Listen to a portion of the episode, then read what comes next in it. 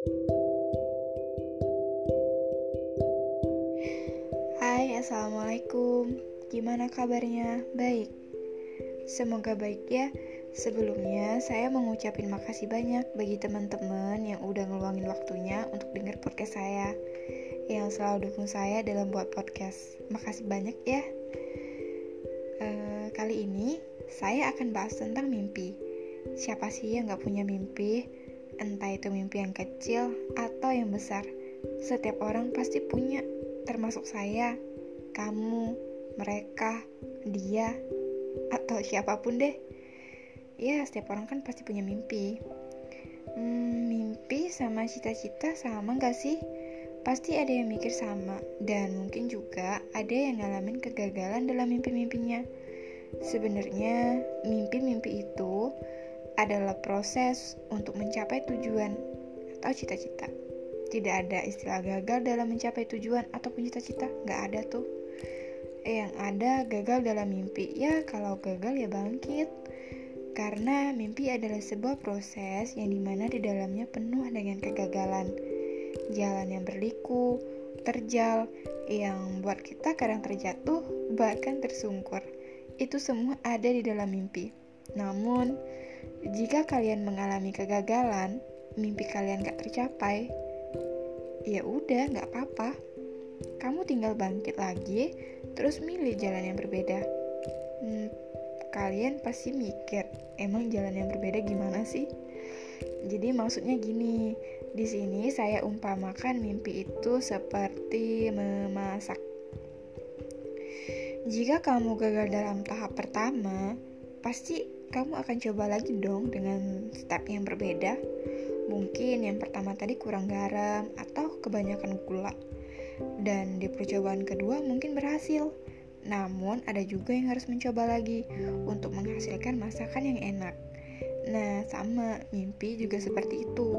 Kalau gagal, coba lagi, koreksi apa yang salah, jangan diulangi, dan ketika kamu berhasil dalam menggapai mimpi kamu, di saat itulah cita-cita atau tujuan kamu tercapai. Dan bisa jadi juga nih, di tengah proses mimpi kamu, kamu bakalan ngerasa kayaknya cita-cita saya bukan itu deh. Karena dalam proses mimpi inilah kita belajar dan tahu mana yang benar-benar pas untuk kita jalani ke depannya. Saya sih udah pernah ngalaminnya, di mana di tengah proses mimpi saya, saya ngerasa kayaknya bukan itu deh tujuan hidup saya. Ya udahlah ya namanya juga kehidupan jalanin aja. Mungkin dari kalian yang mendengarkan ada yang berpikiran Allah semudah itu bilang gagal coba lagi. Untuk bangkitkan gak semudah itu. Ya emang namanya juga gagal kecewa sedih apalagi tapi kan bukan berarti kita harus terpuruk terus menerus. Kita harus bangkit dong. Saya mau ceritain sedikit pengalaman saya. Jadi, saya itu ditolak beberapa universitas. Udah belajar mati-matian. Uh, tapi tetap aja nggak diterima. Kayaknya lebih sakit ditolak universitas dibanding ditolak doi. Eh, tapi kan emang gak pernah ngungkapin. Cita-cita yang tak direstui bukan usaha yang selalu gagal. Bukankah itu hal yang menyakitkan? Mengawali dengan sesuatu hal yang tidak diinginkan bukanlah suatu hal yang mudah. Mengeluh hampir setiap hari, mencoba keluar dengan berbagai cara, namun gagal. Dan akhirnya memutuskan untuk menetap mengingat umur semakin tua dan harus fokus pada satu hal. saya itu sebenarnya bercita-cita sebagai dokter. Kalau enggak ya psikolog. Hanya dua itu yang mau saya jalani dan tekuni di hidup saya. Tapi nyatanya saya sekarang di kampus keperawatan. Benar-benar jauh dari apa yang saya cita-citakan. Tapi itulah semua adalah proses. E, ketika saya gagal saya coba bangkit dan banyak hal yang saya temuin dan membuat saya berpikir bahwa emang bukan jalan hidup saya di dunia kedokteran maupun psikolog. Ya di sinilah dunia saya, di dunia keperawatan. Di sinilah saya. yang harus saya jalani dan saya tekunin sampai mati. Inilah dunia saya.